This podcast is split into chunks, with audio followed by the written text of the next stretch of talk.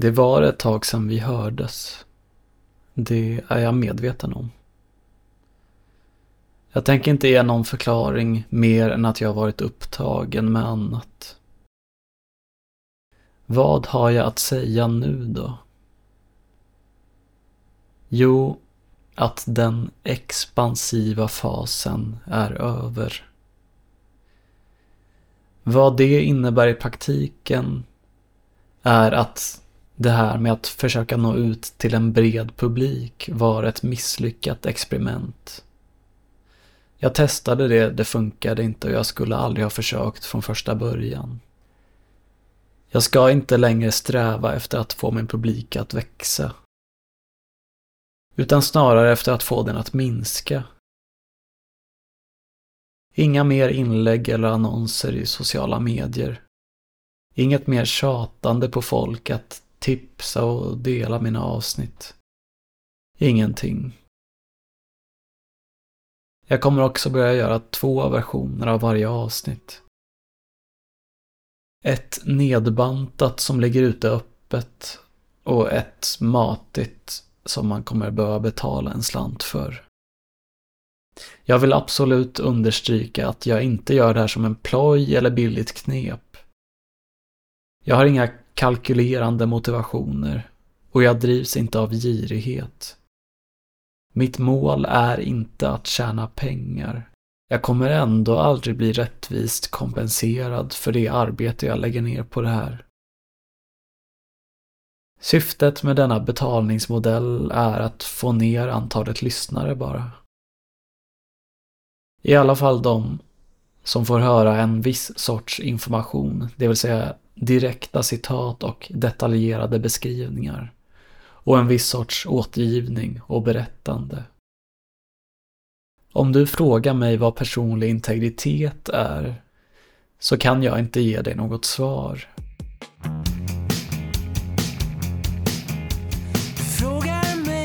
Personlig integritet.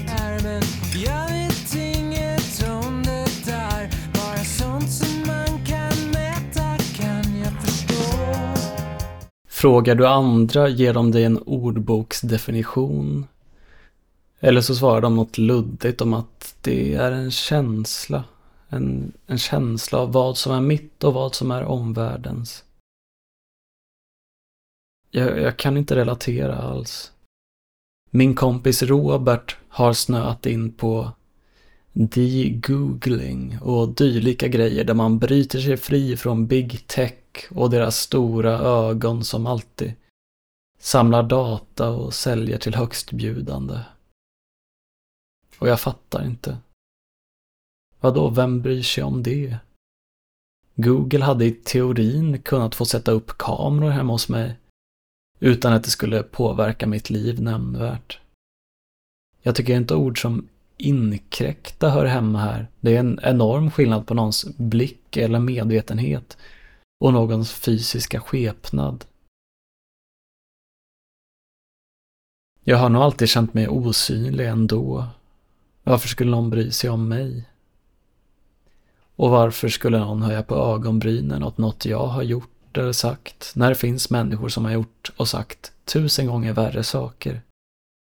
Jag har liksom aldrig ägnat en tanke åt det ens. Vissa har sagt till mig att jag är modig som vågar berätta så utlämnande om mig själv.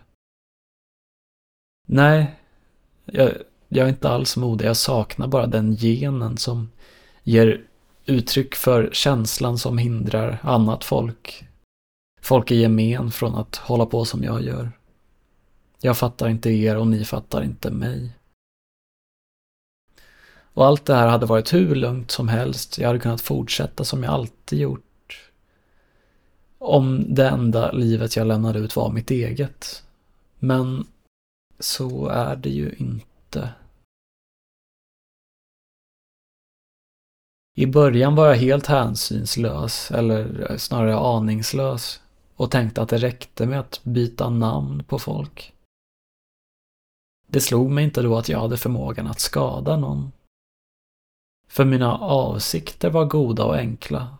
Att skildra en relation på ett kärleksfullt vis. Men aldrig, aldrig att hänga ut någon. Det finns så gott som ingen jag har berättat om som jag vill något illa.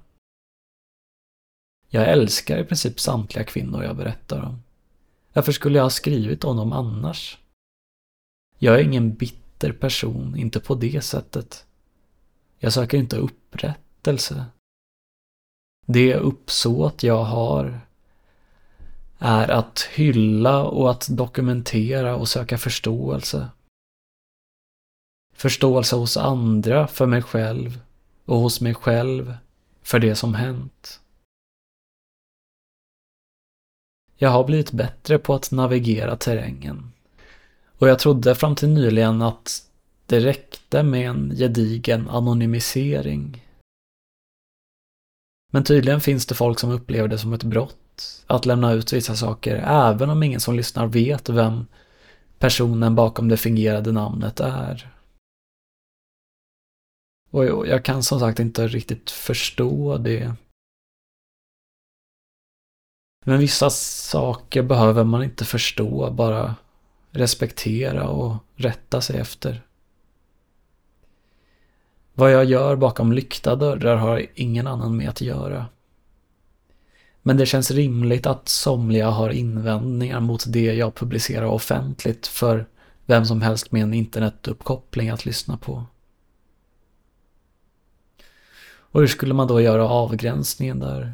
Folk som köpte min debutroman, folk som jag känner till för och efternamn, folk Ja, det blir nog lättast att dra gränsen vid folk som är beredda att betala en viss summa pengar. Jag har inte ännu bestämt mig för vad den summan kommer ligga på. Men jag tror jag gör så att jag släpper hela säsongen i en enda klump. Vilket betyder att det kommer dröja rätt länge innan jag är redo att släppa saker igen. Jag har satt en avgränsning för den här säsongen vid nyår 2021. Och jag har skrivit mig fram till mitten av augusti 2021. Det är nog mindre än hälften kvar i ren textmängd. Men det kommer ta tid att digitalisera allt och spela in och ja, det är en ganska ambitiös produktion så det blir nog många många hundratals timmar arbete totalt. Vore jag totalt principfast så skulle jag bara börja, börja lägga allt bakom betalvägg. Men jag tycker folk som har hängt med så här långt förtjänar att veta hur berättelsen slutar. Dessutom är jag konflikträdd och ja, jag kan tänka mig att somliga skulle bli rätt sura på mig. Så ni kommer få era avsnitt men de kommer vara slappa i produktionen och vara kraftigt nedbantade i termer av dialog. Och inte citera några Messenger-konversationer. Sådana kommer endast sammanfattas i grova drag. Och därmed basta. Men jag, ja, jag kommer fortsätta som jag har gjort hittills. För de som... Den mer exklusiva skaran av närstående och ja, ja, sådana som betalar. Men som sagt, det jag vill gallra, jag vill inte vara en jävla Joakim von Anka.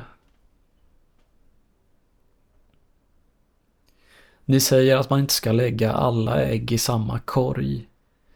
Men i mina öron är det där rå och kall cynism. Och för mig finns det faktiskt högre värden än så. Det finns fortfarande ägg kvar som ännu inte har krossats. Och jag försöker väl helt enkelt rädda det som räddas kan innan korgen faller isär på riktigt.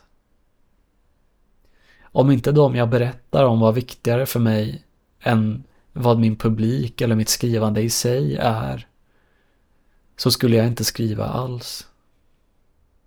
Vi hörs igen när våren går mot sommar eller när fan det nu blir.